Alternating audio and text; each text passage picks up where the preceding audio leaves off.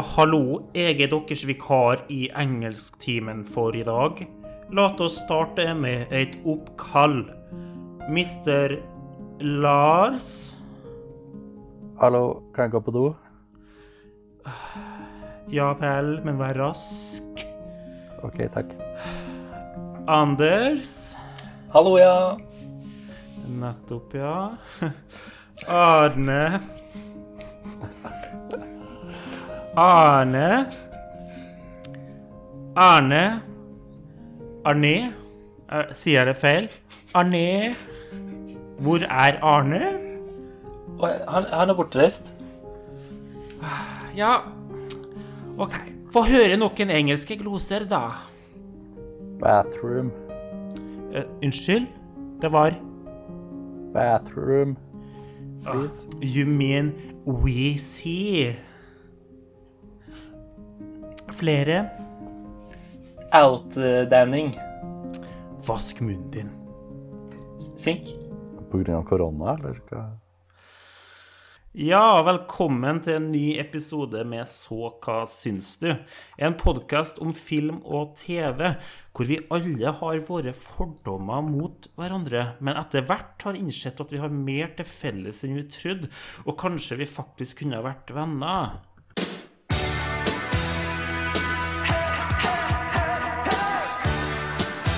Med meg har jeg som vanlig Anders og Lars, men ingen Arne den gangen her.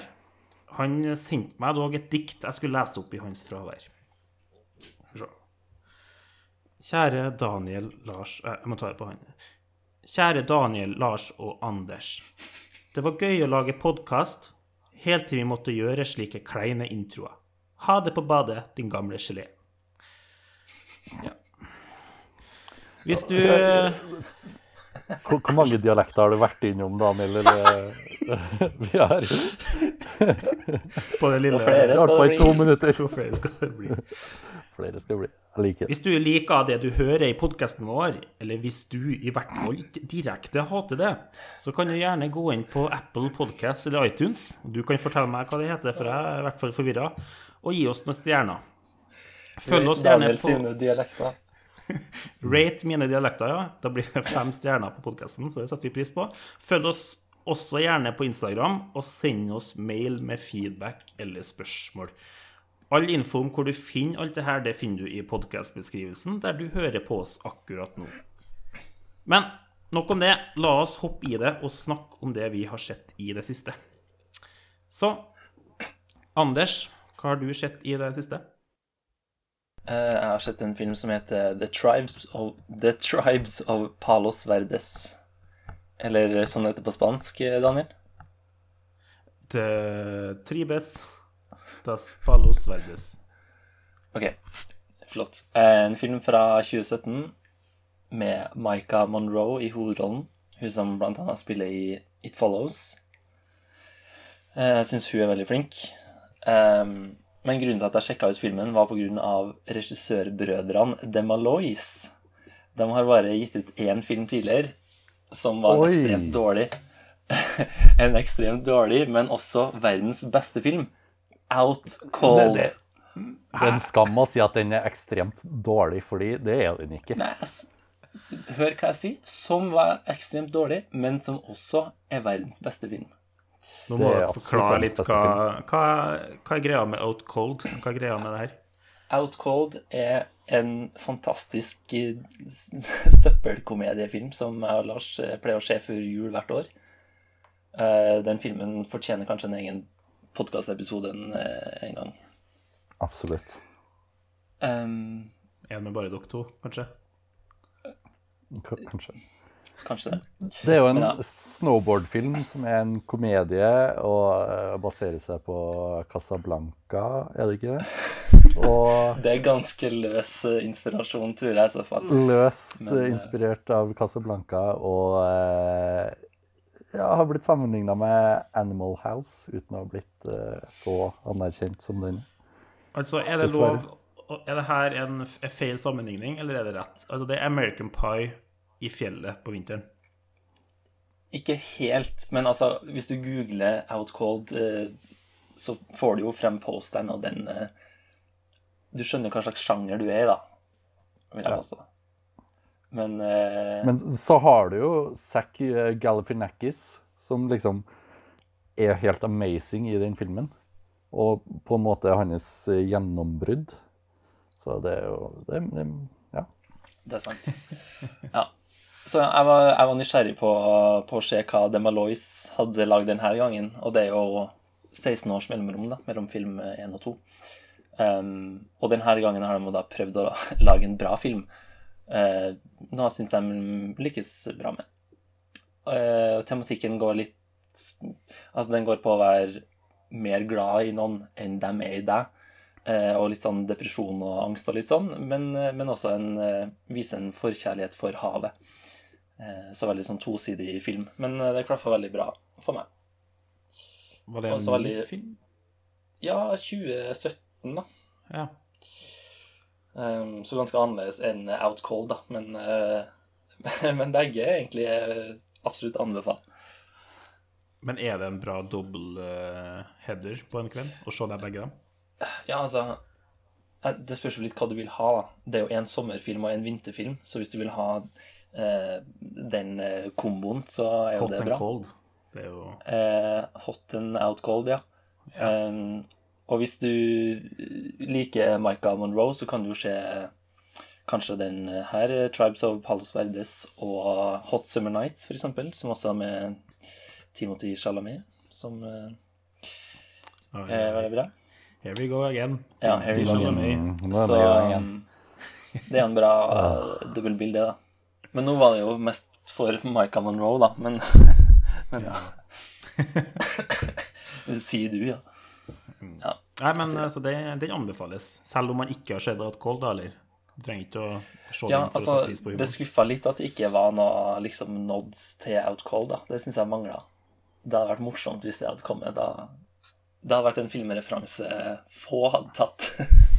Men Du og Lars hadde tatt det veldig bra. jeg og Lars hadde, hadde blitt bra. Nei, Vel og bra det, Anders. Eh, Ligger den filmen ut noe sted du vet om? Eller? Um, den går vel an å få kjøpt på Google Play og YouTube og hvor det nå går an å få tak i filmer. Eller en god, gammel fysisk kopi? Lars, du har vel eh, gløtta litt, du òg? Ja da, jeg har det. Eh, jeg var litt sånn eh, Jeg ble litt hekta på dokumentarer. Eh, så browsa jeg litt forskjellige strømmetjenester, og på NRK sin avspiller så finner jeg countrymusikkens historie. Ti episoder på 50 minutter. Vent nå litt. Du, du litt, fikk litt dilla på dokumentarer, men du, det må finnes noe før du går i den retningen, vel? Nei, det syns jeg ikke. Nei, for jeg gjorde meg ferdig med The Last Dance med en gang det kom ut, og så Ja, jeg vet ikke hva som skjedde. Jeg bare havna på countrymusikkens historie. Ja. Lars ble eh, nettopp først- eh, 74 år, så derfor eh, valgte han å gå for det her. Countrymusikkens Ja. historie på NRKs eh, Ja, det, det er sånn klassisk NRK2 eh, klokka halv tolv. Så, som du blir litt sånn fascinert av, men det er ikke verdt å sitte opp for, kanskje. Ja, det er det siste programmet rett før nattfilmen, for dem som eh, husker at de satt opp og venta på en skummel nattfilm på NRK. Og det var alltid noe helt ræva søl som eh, hadde maks ett mord i seg, men det var likevel en sånn skummel film på natta. Ja. kommer jeg på. Ja. Så nei, Ja. det, det, det, det er jo ikke, det er ikke like bra som Last Dance, men hvis du er interessert i musikk Det er veldig sånn straight forward, starte på starten av 1900-tallet og så bevege seg utover. Så er det å anbefale. Hvem er countrymusikkens eh, Michael Jordan? eh? Willy Nelson, ikke sant? Nja Mange vil si Hank Williams. Men eh, Og så kom jo Johnny Cash, men så forsvant han igjen, og så kom han tilbake. Og så, ja, det er mye drama. Se countrymusikkens historie på NRK for å finne ut hvem du syns er countrymusikkens Michael Jordan. Send svaret ditt til oss på eske og st.podcast.gmail.com. Så skal Lars svare deg tilbake med enig eller uenig. Hvis du sender oss en mail om countrymusikk, da tror jeg du får svar ganske fort fra Lars. Mest sannsynlig. Nei, men det er bra, Lars. Det er jo, altså, det er jo noe i det du sier, da. Jeg gjør litt narr av det, men altså, dokumentarer er en fin måte å dukke litt inn i verden og du ikke på en måte kjenner til fra før så godt, og lære noe. Nei, Det skal jo nevnes jeg så musikkens historie noe sånt her på NRK for eh, kanskje et års tid siden. Og det var ekstremt bra, syns jeg.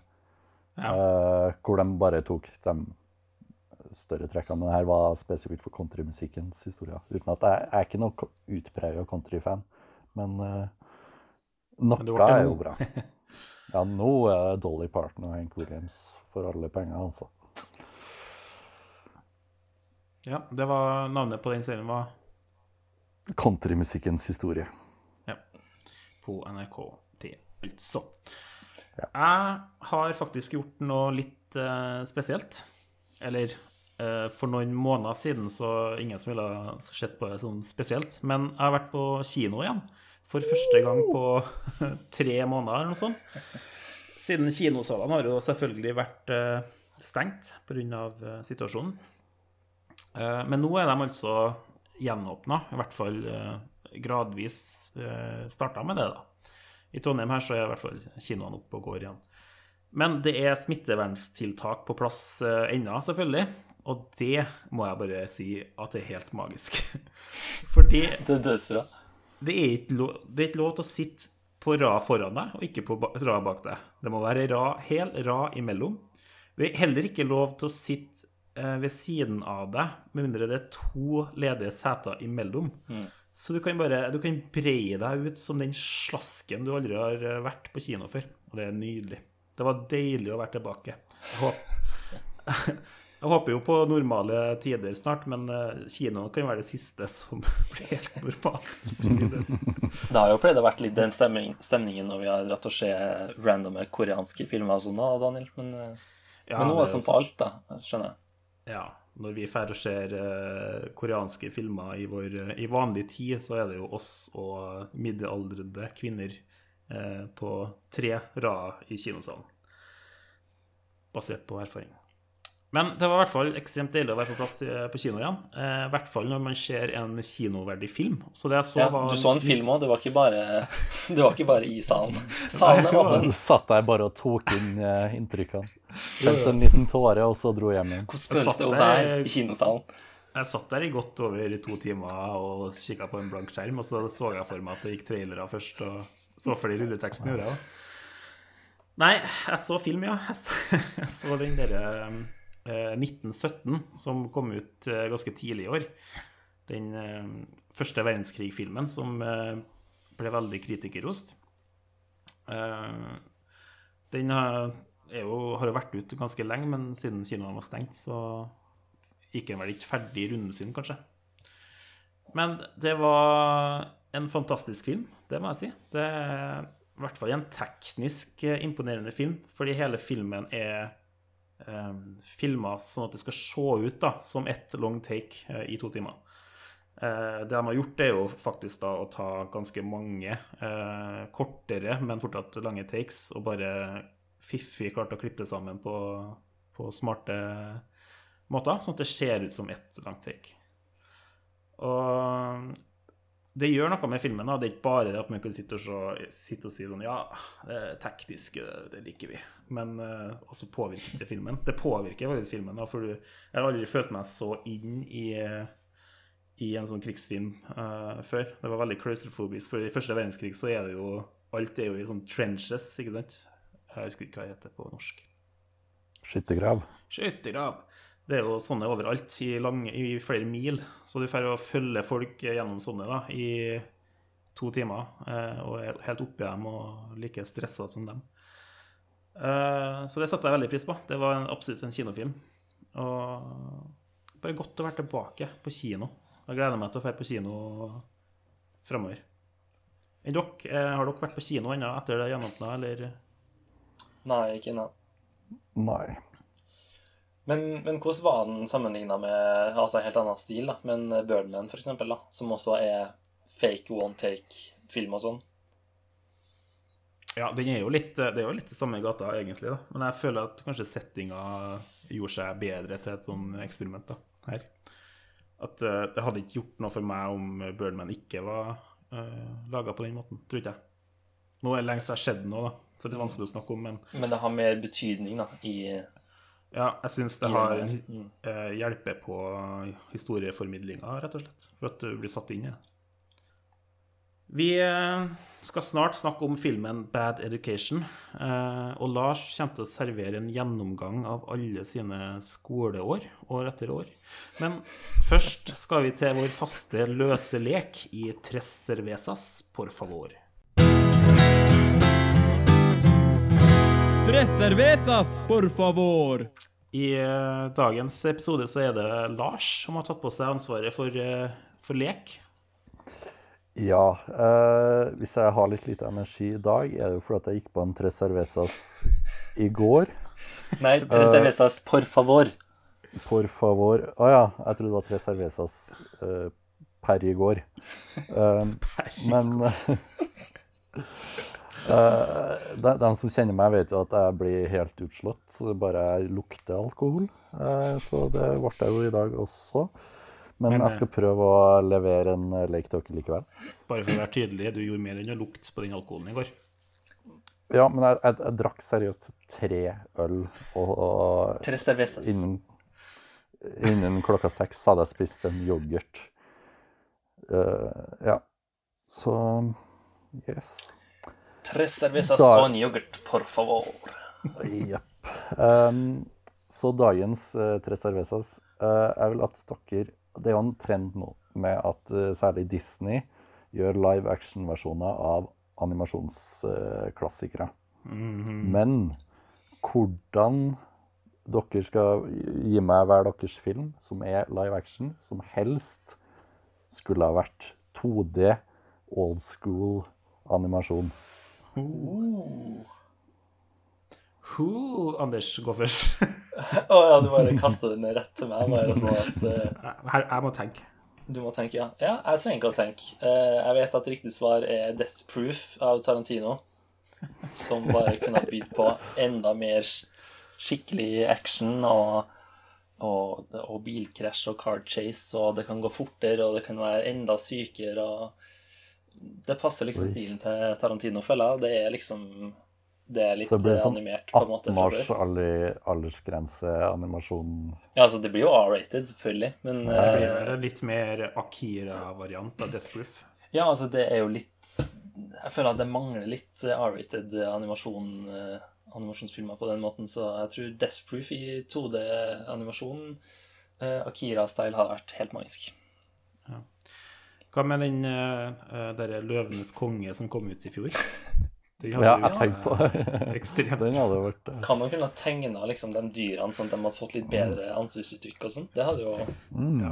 Jeg tror jeg har Jeg fått litt mer det- eh, personlighet, da. Ja, litt mer Ja, sjarm. kunne hjulpet til å liksom fortelle hva de går gjennom og sånn og ikke bare et tomt dyreansikt. Ja. Ja. Nei, for å være For å komme med et ordentlig et, da, så oh, ja, du, og, det er ok. Og som er relevant til, til dagens film, så kan vi ta en eh, Hugh Jackman-film. Eh, og vi kunne ha tatt eh, eh, The Greatest Showman. For der har du allerede en sånn Disney-animasjonsformula med alle sangene og opptredenene i løpet av filmen. Og det Det var det. Det var det. Det var det. Det er mye bra soundtrack i Tarantino-filmen nå, bare for å skyte inn det. Det har vært bra med allsang av, eh, av eh, den der eh, Down in Mexico-låta Ja. og sånn. Det hadde jo vært eh, ja, Ja. musikalske innslag der òg. OK, for å komme med en uh, verdict, verdict, som det heter. Eller, eh, ja. Du, skal finne en du skal finne en verdikt vinner. Verdict vinner. Eh, absolutt. Eh, da blir det. Kåre som vinner. Ja. Kåre, ja. Kåre vinneren. ja. Eh, nei da. Eh, men eh, Death Proof jeg, jeg vet ikke helt hva jeg syns om 18 års eh, tegnefilmer. For meg det skal være litt eh, Disney. Du har ikke sett nok? Nei, kanskje ikke. Men jeg er litt må- sånn skeptisk til det. Det blir, altså, det blir fort Nei, jeg har ikke det. Nei, sant. Nei. Det, er ikke noe rart du ikke Du får endre, du får endre den verdikte vinneren når du har sett den. Har ikke du ellers sett Akira? Hvem, der? hvem er Endre? Hvis eh, noen eh, som hører på, har um, uh, verre pønsk enn det vi kommer på med, så send dem gjerne inn. Vi trenger dem. Gi oss en rating på ordspillene våre. Nei, eh, Lars, du var midt i kåringa og endringa. Ja. ja. Eh, mens jeg har ikke sett The Greatest eh, Showman, men jeg, jeg har hørt den er helt OK. Men som du beskriver den, så gjør den seg kanskje mer som en sånn klassisk eh, 2D-film. Uh, men uh, jeg vet ikke hva Uten å ha sett filmen, så vet jeg ikke hva jeg syns om den heller. Nei. Så, Jeg men jeg, jeg, jeg, jeg, har lyst til å gi seieren til Arne, men noen må jo få Auf Wiedersehen, så jeg gir det til Daniel. OK. Takk. Men eh, moralske vinner er Arne. Det vil si at jeg får uh, Wiedersehen Wiedersen, som eh, Lars var på her, som da er siste ord i podkasten. Det er, vil si, jeg kan si akkurat det jeg har lyst til, om det så er en mening jeg vil gjenta, eller en mening jeg vil være uenig med, eller eh, hva som helst som popper opp i hjernen min akkurat der og da, så kan ingen av de andre i podkasten komme med innvendinger, og vi kjører rett på outro. Så det, det bør bli sterkt. Nå skal vi snakke om eh, bad education. Please join me in welcoming to the stage our district superintendent and my friend. In Long Island, the town is only as good as its Public schools. The better the school system, the higher the price tag on the homes. These are the best early decision numbers that we've ever seen. I wanted to make a difference. I got us all the way to number four, and I will get us to number one. Get us to first. That's all that matters. Hey, Frank. Yeah. I've been doing some digging. I'm concerned with what I found.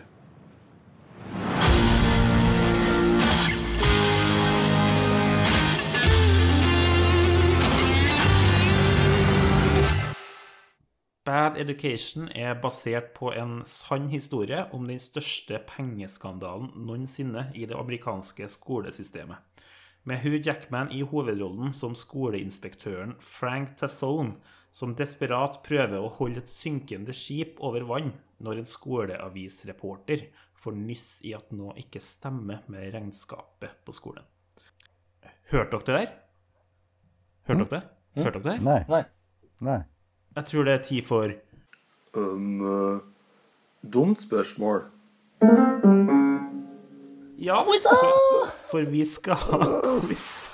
Selvfølgelig. Vi må quize våre verter på podkasten om eh, hvor mye han har fått med seg fra filmen, og samtidig få pøsa ut litt fakta om filmen. Så spørsmål nummer én. Det går til deg, Lars. Hvilken strømmetjeneste ligger filmen på? Uh, uTorrent. Det stemmer. Der, der ligger alt. HBO Nordic. Det ligger på HBO Nordic. Stemmer. Når skjedde hendelsen filmen er basert på, Anders? 2002. Så. What the fuck? Hvordan visste du det? Noen har gjort research. 2002? Ja, det Var var det? 2002. Jeg sa, jeg sa bare et Jeg sa bare et år. Ja, flott. Hva heter skolen det utspiller seg på, Lars? Uh, Roslin, ja. Det stemmer. Hilltop Roslin. High. Roslin. Ja, det er Roslin. Anders, hvem er eldst av Hugh Jackman og Ray Romano? Hugh Jackman. Feil. Det er Ray Romano. Han er 62, og Hugh Jackman er 51 år. Oi, stor forskjell. Ja. Men uh, Hugh Jackman bør uh, skjerpe seg på utseendet, hører jeg. Han Ja. holder seg godt nok. Absolutt. Nei, jeg skulle begynt med rynkekrem og Ja. Ray Romano derimot, han syns du Han syns det holder seg. Ja, ja, ja. Han er som en eh, litt eldre Timothy Chamalet. Ja, altså, de er, de er to sider av samme mynt, spør du meg. Ok, neste spørsmål. Bad Education eller Bad Teacher med Cameron Diaz. Hvilken har høyest score på Rotten Tomatoes, Lars? Bad Education. Ja, med ganske mye òg. Bad Education har 93 uh, Fresh, mens Bad Teacher er rotten og har 44 så, Oh. så ganske stor forskjell. Har dere sett den filmen? Nei. Nei. Bra. Uh, siste spørsmål. Det går til opp begge. USAs utdanningssystem, er det fucked? Ja. Ja. Ja, det er det. OK, la oss snakke om uh, filmen. Så Lars, hva syns du om Bad Education? Jo, uh, jeg syns Bad Education er en helt uh, OK film. En underholdende film. Som, altså, det passer å se på en kveld hvor du ikke trenger å tenke så mye. Eh, du trenger bare å sette på en film.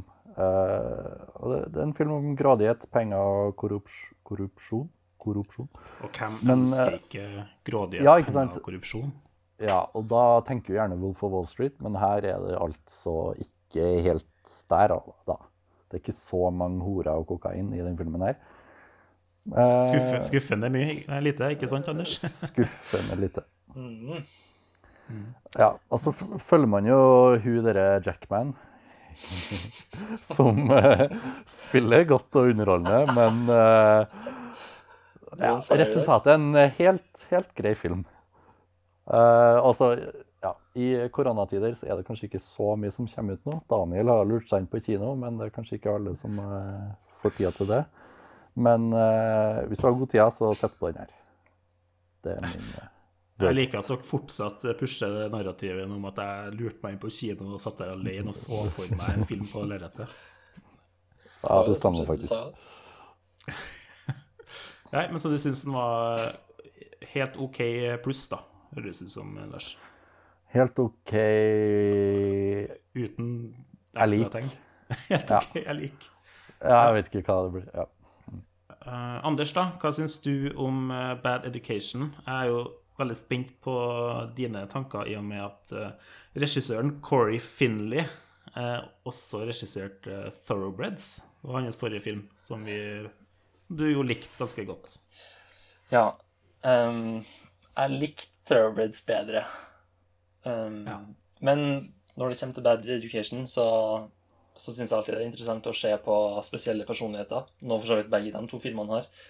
Ehm, og i filmen her så handler det om å være på topp og ha kontroll.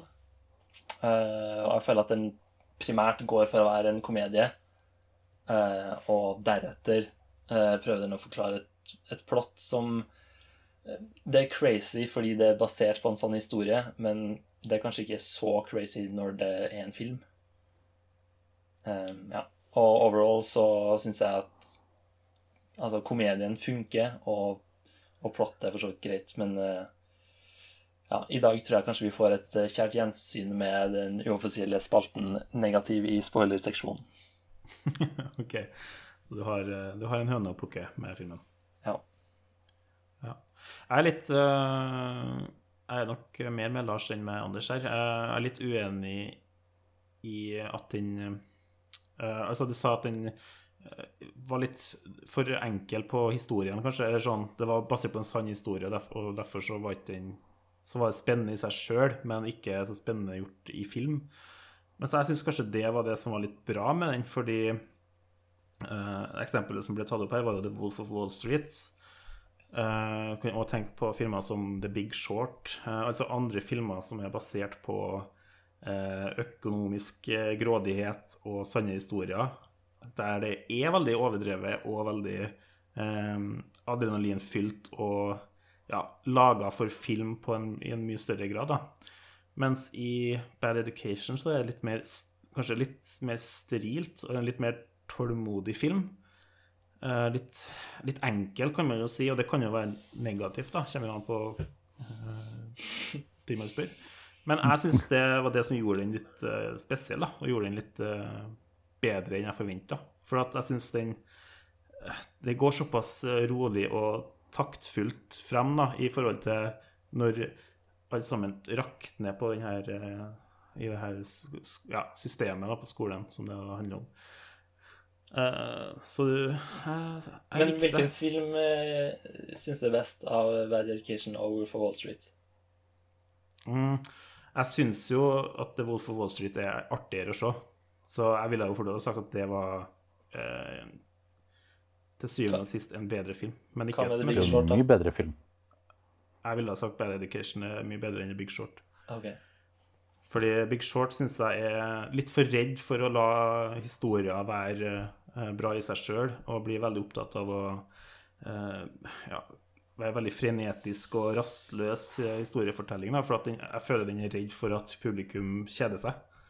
Eh, Bad Education er ikke redd for det, og det kan føre til at publikum jo kjeder seg. Men uh, jeg gjorde ikke det Ja. i tilfellet. Og jeg likte Mm. at den tok seg tida uh, til å forklare historien. Mm. så jeg, jeg syns den gjør mye rett. Det er mye karakterer som lever i en gråsone, og litt vanskelig å si at skurker er skurker, og på samme måten som Eller i motsetning til det ville vært i Wolf of Wall Street, da, selv om historiene er såpass like. Så alt i alt veldig positivt, positivt overraska, rett og slett, av Bad Education. Og en kjempebra rolle, da, syns jeg, av uh, Hugh Jackman. Jeg syns det er noe bedre rolle enn hans. Det er litt artig å se han i noe annet enn superheltfilmer og musikaler. Det er ikke så mye av dem, føler jeg. Jeg tror det er siste, Nei. Jeg tror det siste jeg husker fra han som ikke var det, som jeg så, var liksom The Prestige. Før mm. Ja. Hva med, hva med Prisoners? Ja, der har du også et eh, bra eksempel, ja. Men eh, ja, så er dere uenige i det jeg sier? Både ja og nei. Um, jeg lik, liker at den var litt uh, nedpå og sånn der, men som Anders så har jeg altså litt problemer med selve filmen. Men det kan vi jo gå inn på straks. Ja, det kan vi gjøre når vi går over til spoilers. Men vi er jo nødt til å da eh, oppsummere tankene våre. Få trilla en terning og satt eh, terningkast på det, så folk vet om de bør se filmen eller ikke. For å oppsummere så syns jeg Bad Education er en veldig bra, om enkel film, men veldig fint fortalt og interessante karakterer hele veien. Og komedien funka til meg, og jeg anbefaler å sjekke ut den filmen. Terningkast to. Yes. Ja. Good job. En strålende anbefaling vi alle stiller oss ved. ved. Bli med oss inn i spoilers for litt mer spesifikk samtale, og et gjensyn med en tulling som tror han er doktor.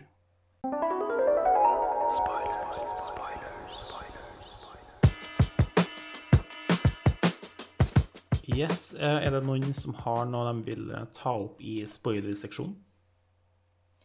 Ja.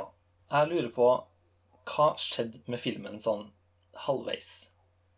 For sånn etter rundt eh, sånn 50 minutter så merka jeg et skift. Og før det så var han ganske lett på foten, og jeg syns humoren svingte. Jeg syns introduksjonen av karakterene hadde funka bra. Eh, og så etterpå så blir den veldig plot-heavy. Og det handler bare om å redde seg på best mulig måte da, etter at den skandalen er avslørt. Og utover da så følte jeg at den mista mye humor, da. Ja, Der er jeg helt enig, fordi det har notert meg litt at OK, det er, en, er det en komedie, eller er det et drama som liksom er sånn The Big Short, som liksom Jeg, syns filmen sliter med å eh, være seg sjøl. Eller finne hva den er. Vite hva den Mm. er, rett og slett, og gå for det. For den kunne ha fortalt den samme historien og bare vært en ren komedie hele veien gjennom. Men som Mm. du sier, så midtveis der så ble de for oppsatt på å liksom fortelle hva som foregikk. Og da ble det litt sånn journalistisk eh, deep dive, hard eh, digging. Ja. Ja, men er ikke det Altså, vi blir jo et, Det, det syns jeg jo blir etablert tidlig, at det er den veien vi går, da. Altså, vi introduseres veldig tidlig til hun, hun som på en måte er publikummet sin eh, karakter. Altså hun eh, studentavisreporteren, studentavisreporteren. Som, som da starter denne undersøkelsen av eh, skolebudsjettet og sånn, når hun egentlig bare skulle undersøke noe med et nytt prosjekt på skolen, så, så finner hun ut at eh, eh, budsjettet og økonomien ikke stemmer. Men filmen skifter jo hovedpersonen der, uten å egentlig skifte hovedperson. Gjør den det? Jeg syns Hugh Jackman er hovedpersonen hele tida. Det eneste med hun reporteren er at hun på en måte er uh, vår Er oss satt inn i filmen for å stille spørsmål. Altså Syns jeg, da. Men altså, den, er- den Sorry. Nei, hun er også altså Det tenkte jeg kanskje å ta opp litt senere, men vi kan ta det nå. At sånne filmer som er basert på en sann historie, er ofte ikke den ordentlige historien. sant? Det må tas grep for å gjøre det til en film også. Og det, det her er jo ikke et unntak av det. Så det ene grepet som er tatt som er ren fiksjon, er jo den karakteren, hun reporteren. Hun er ikke, ikke en ekte person. Hun er mer en sammenslåing Altså, det var en studentavis som uh, fant ut av hele greia, men det var mer en, hun er mer en sammenslåing av flere uh, Av flere karakterer til å bli en, karakter, liksom. Men Ja. Men argumentet jeg mitt da, for at hun er Ja. hovedpersonen der, Jeg Husker dere den scenen hvor hun sitter på en eh, benk utenfor skolen, og så kommer Hugh Jackman gående og har en sånn Ja. truende samtale? I den scenen er hun hovedperson. Vi blir igjen med hun, og vi er på hennes lag fullt ut. Vi er ikke med Hugh Jackman og liksom OK, Nei, er overtar sant. hun Altså, lille ungen, liksom. Så på ett Det- punkt der så er hun hovedperson. det er Altså, at vi på en måte jeg- heier på henne, men eh, det er for at vi heier på sannheten, hvis du skjønner. Altså, jeg tror, tror det er sånn som jeg ser det, da, at hvis, vi er, hvis publikum er hun, og vi vil finne ut av hva som faktisk har foregått her, så gir det fortsatt mening da, i den konteksten. Selv om Hugh Jackman Men er hadde den Hugh Jackman vært hovedperson i den scenen, eller gjennom hele filmen, så hadde vi øh, vært mer på å forstått hvorfor han vil øh, silence Hugh, da. Og ha litt mer sympati for det. Men der sitter vi og har sympati for hun, at hun vil ha ut en historie. Jeg har masse sympati for Hugh Jackmans karakter i filmen. Jeg Har ikke dere det? Den Nei, viser den- jo dualiteten der, da, og viser begge sidene. Sånn sett syns jeg det funker, egentlig. Um, og jeg syns at, at Hugh Jackman er hovedpersonen hele tida, men, uh, men for meg så er det en kjemi da, mellom den karakteren og hun eleven som skriver for skoleavisa. Der er, det, der er det mye kjemi, da, og den, jeg føler at de beholdt den. da. Det er liksom, La oss si at uh, først er det den ene og så den andre, men det var det spillet mellom dem i starten. Funker veldig bra. Og payoffen er jo at han inspirerer ut til å grave dypere, som til slutt blir hans, hans Det er en genial payoff. At han, Og- han oppfordrer henne til å undersøke og gjøre en skikkelig jobb, og det er hans downfall. Det syns jeg var kjempekult. Ja. Det i seg sjøl er bra, men jeg syns de kunne ha fått mer ut av kjemien. Fordi det er bare en setup, og så blir de to forskjellige ting. Og du ser, du ser de sidene veldig separat. Og jeg tror det er litt derfor man får den forvirringa som Lars poengterer. Ja. Til meg så syns jeg at grunnen til at det funker, fordi at uh, Hugh Jackman sin karakter er, er ikke så Er ikke en ond fyr. Altså, han gjør ting man ikke skal gjøre, og ting han bør bli tatt for, men alt han faktisk gjør ellers, er å hjelpe folk, og han bryr seg eh, genuint om eh, elevene, og han prøver å å styrke liksom, den skolen. Det, det er det han brenner for. Og selv om han eh, gjør underslag og stjeler penger, så er det fortsatt det han, han fokuserer på å, å gjøre. Jeg mener Og- at han ikke gjør det for å bry seg. Jeg, tror, jeg føler at han bare gjør det for at han skal bli godt likt, og han skal få sympatipoeng. Jeg føler det er en måte å se det sånn på, helt fram til en spesifikk scene, der dere vet, eh, I starten så blir vi veldig fort introdusert til ei ganske eh, teit mor med en, eh, med en sønn som hun mener er mye smartere enn han er, og er fortjener liksom å, å være med der og der. Det er en ganske bra scene. Du ser først at Hugh Jackman liksom prøver å komme på hva ungen heter og sånne her ting. Altså, Kan du se det som at han setter på et ansikt? Selvfølgelig, han gjør jo det. Men øh, Og så hjelper han eh, mora sånn i den situasjonen. Og så kommer det tilbake etter at ting har begynt å rakne, så kommer det en scene med dem, øh, den mora og den sønnen igjen. Og der har ting begynt å rakne. Han, er, han begynner å gå litt fra forstanden og sånn. Men uansett hvor irritert han er i det øyeblikket her, hvor sint han er, så så gjør han alt han kan for å hjelpe eh, den ungen med å komme på det ordet. For han er faktisk en flink eh, lærer. Og han bryr seg. Det er mitt inntrykk. Ja, han er en flink lærer, men jeg syns ikke han bryr seg. Han- bryr seg om at skolen er number one. Altså, siste bilde i filmen er Hugh Jackman close-up, superhappy med tallet én i bakgrunnen. Det var det som han brydde seg om. Det er bare den der jakten på suksess som er, som er hans drivkraft. Og ja, jeg føler at han bare setter på et ansikt, liksom, og det aldri får noen andre enn seg sjøl. Jeg bare tror at hvis, hvis at det hadde vært bare et ansikt, så hadde han eh, reagert veldig annerledes i den, eh, i den scenen der, enn å faktisk genuint prøve Enn å klikke. samtidig. Han blir jo han, han går jo helt i vinkel. Ja, men det er fortsatt med ambisjon om å Hei, du skal, jeg skal få deg til å si det ordet riktig. Jeg følte bare at den uh, replikken og det raseriutbruddet Alt han sier, er jo direkte til han gutten for å lære det, det ordet, men han snakker jo metaforisk om sin situasjon.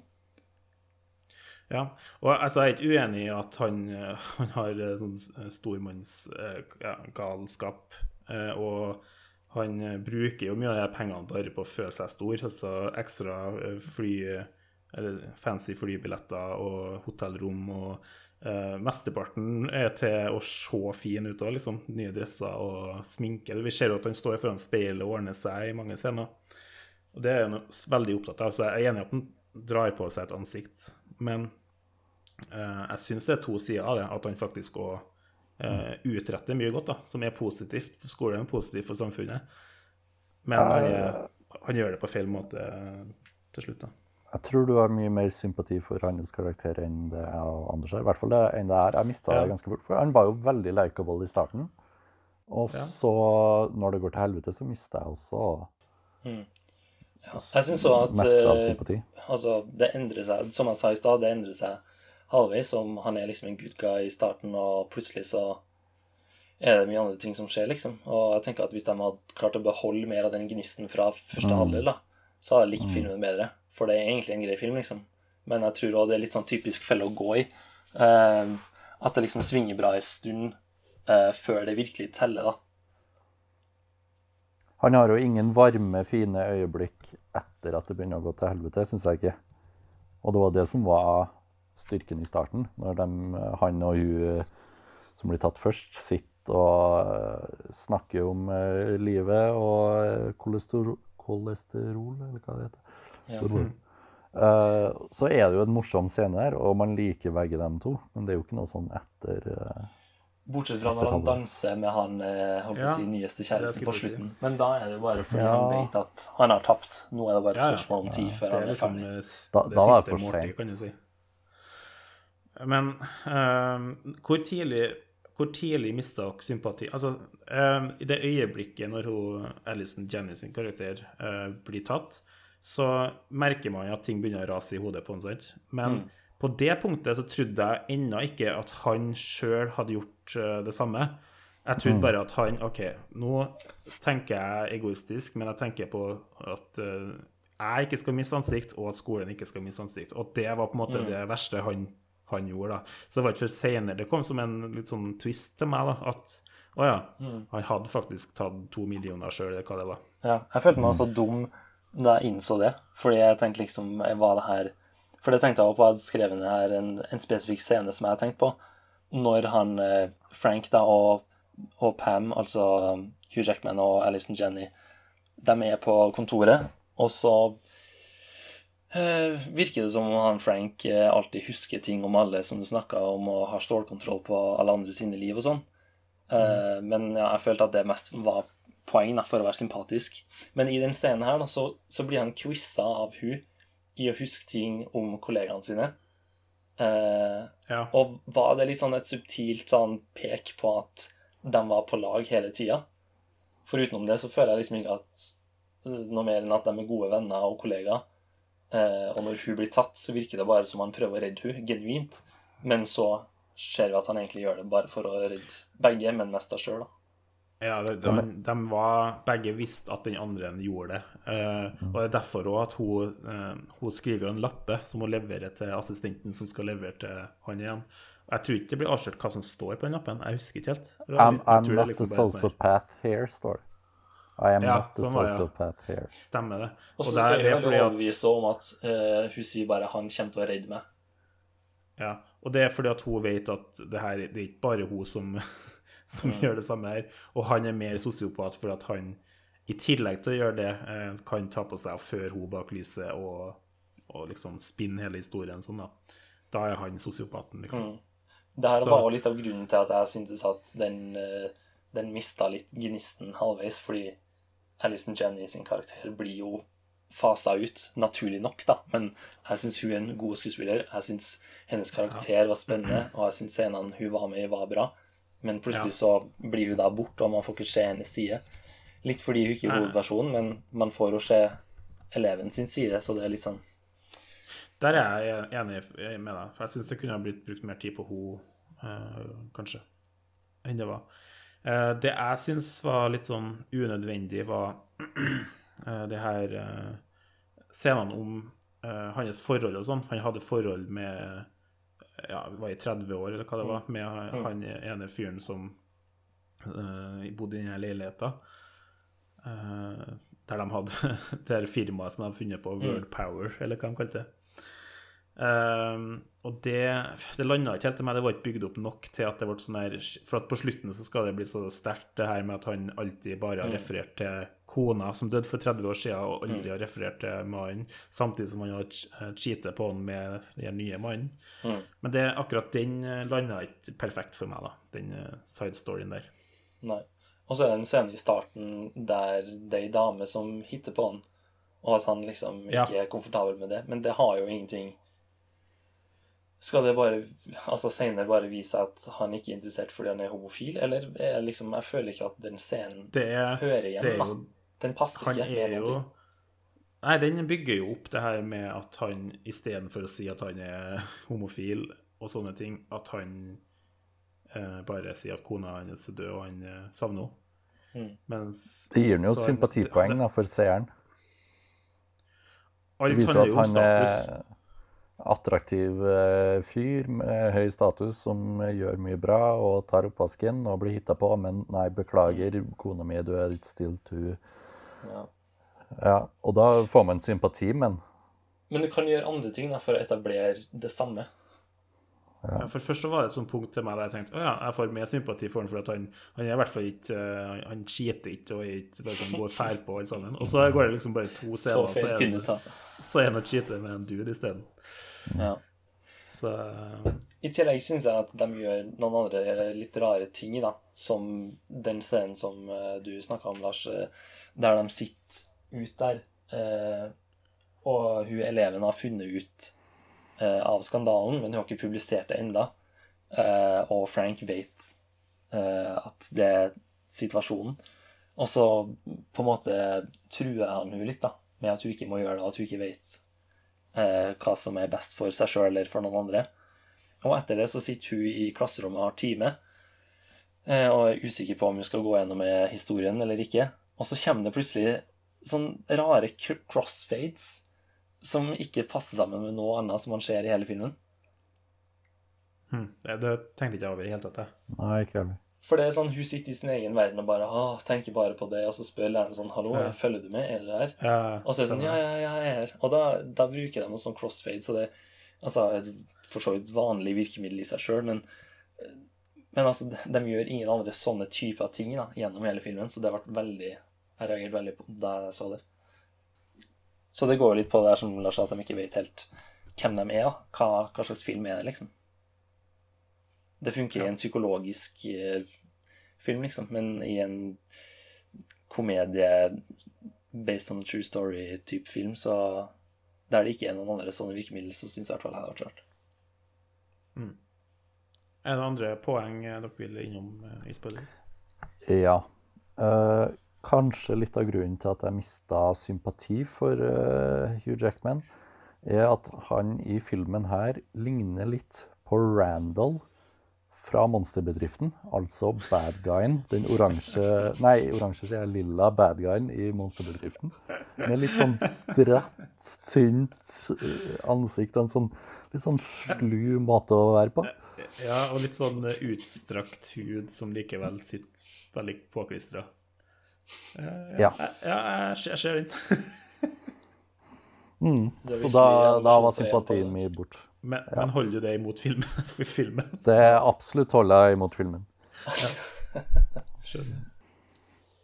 Ellers, da? Noe annet vi tar opp? Ja, altså litt på samme bølgelengde som det, så, så lurer jeg på om det her er en prequel til Les Miserables. der man får se hvordan Jean Valjean, eller som han heter på trøndersk, Jan Valjean, eh, hvordan han fang, eh, havna i fengsel. For i den eh, gamle historien til Victor Hugo, så spiller jo Eller han spiller jo denne rollen i Le Miserable, og da havna han i fengsel, og tenker kanskje at det var fordi han var eh, korrupt eh, inspektør på skolen. Men du er inne på noe der, da. Jeg likte den, jeg likte den scenen på slutten der han går og drømmer seg bort. og altså, Jeg er enig med dere at han var en bad, bad, eh, bad dude, men jeg syns liksom motivet hans og alt sånt her er der, da. Det er veldig sånn Jeg, syns du kan henge med på hva han driver med, selv om du er uenig i det. Så skjønner jeg liksom tankegangen hans. Og han var veldig opptatt av seg sjøl og, og sånn der. Og han tenker jo bare på seg sjøl på slutten her òg, men uh, i prosessen da, så hjalp han mange folk. da, Det er der jeg får litt sympati for han. Ja, men det er bare fake. Du må ikke la deg lure. Ja, det, altså, hvis, jeg gjorde litt eh, research, men på, basert på den sanne historien så, så var han veldig godt likt i samfunnet Mm. på grunn av ting han gjorde. Det er sånn Der har han holdt seg, De, holdt seg eh, ganske true. Sympatisk eh, og mer sympatisk enn noen andre du kjenner, helt til du skjønner at det ikke var sånn likevel. Men jeg tror den store lærepengen her er at eh, skolesystemet i USA er noe møkkas. Det er jo helt sjukt at det her går an. Snakk om 11 millioner, eller hva det var. Det verste er at de har jo kommet seg lett unna med det, da, hvis det ikke var for den eh, fyren fra American Vandal som skulle på, på butikken. Det var det artigste scenen. En av de artigste. I would have gotten away with it too if it wasn't for you meddling kids. Det var en referanse. Det, det er bare en uh... Hallo, det er Scooby-Doo. Er det ikke det? Åh, ja, animasjonskongen er på plass i dag. Det burde jeg tatt.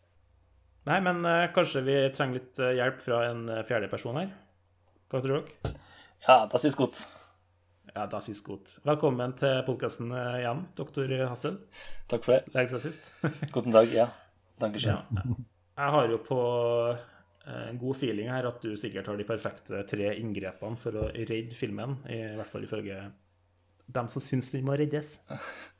Ja, det må han jo absolutt. Så eh, skal gjøre mitt beste forsøk på, på å få filmen her i bedre stand.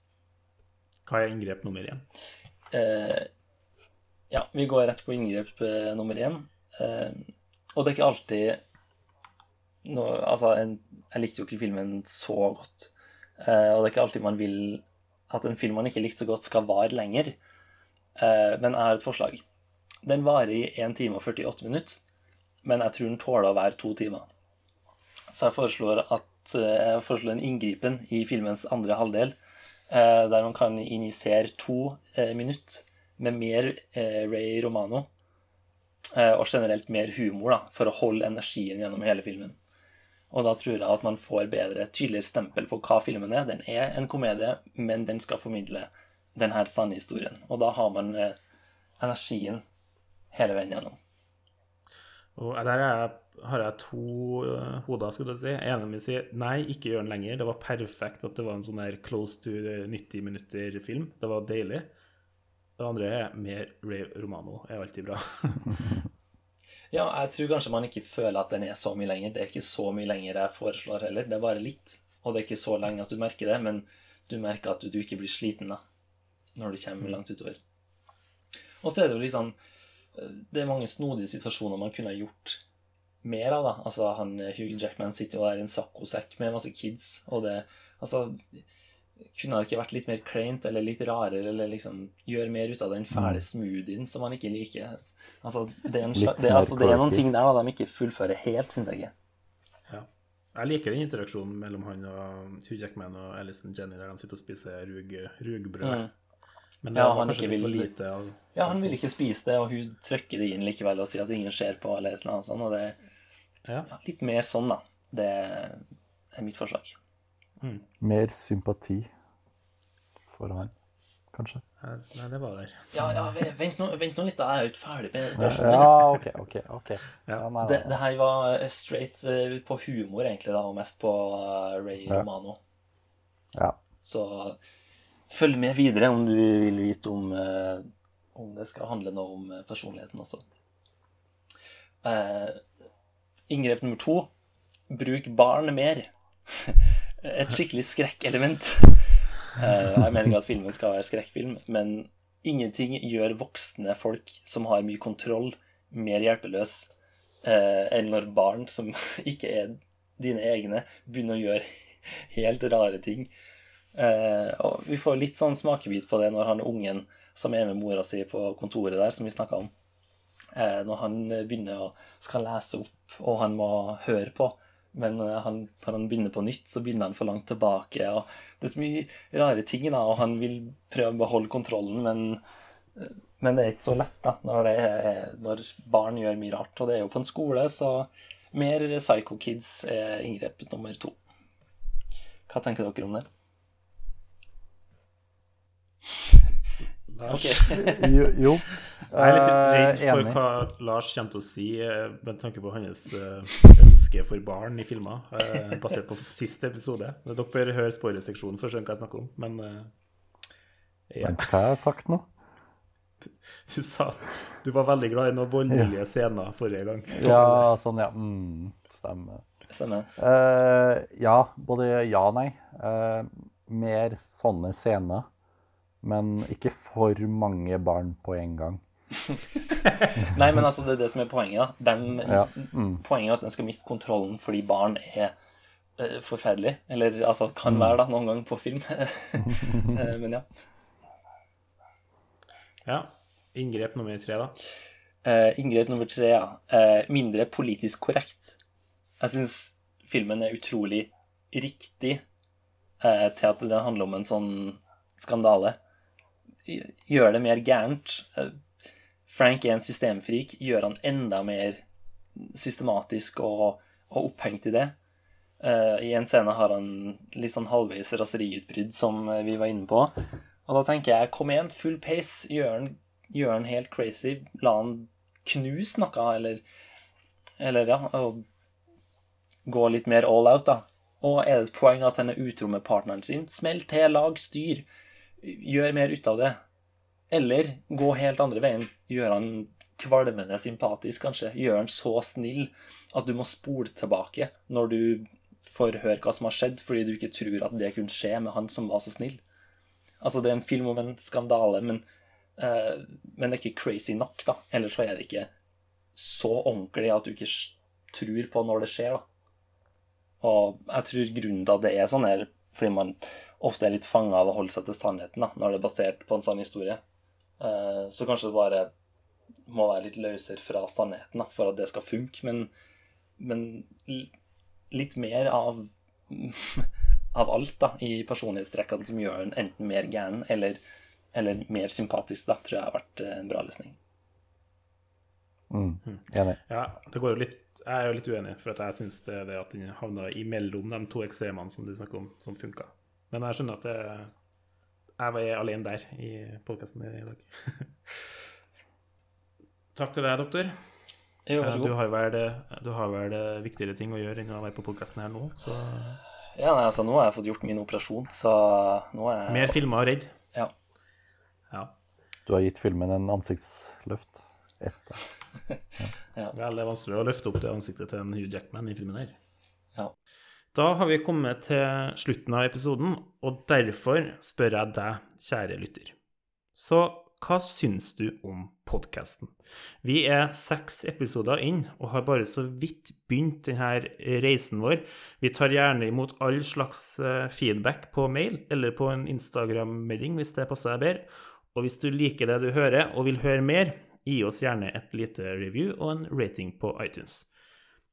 Hvis du vil slenge med en ekstra rating inn på reviewen om pønnspillet vårt i eh, episoden her, gjerne gjør det.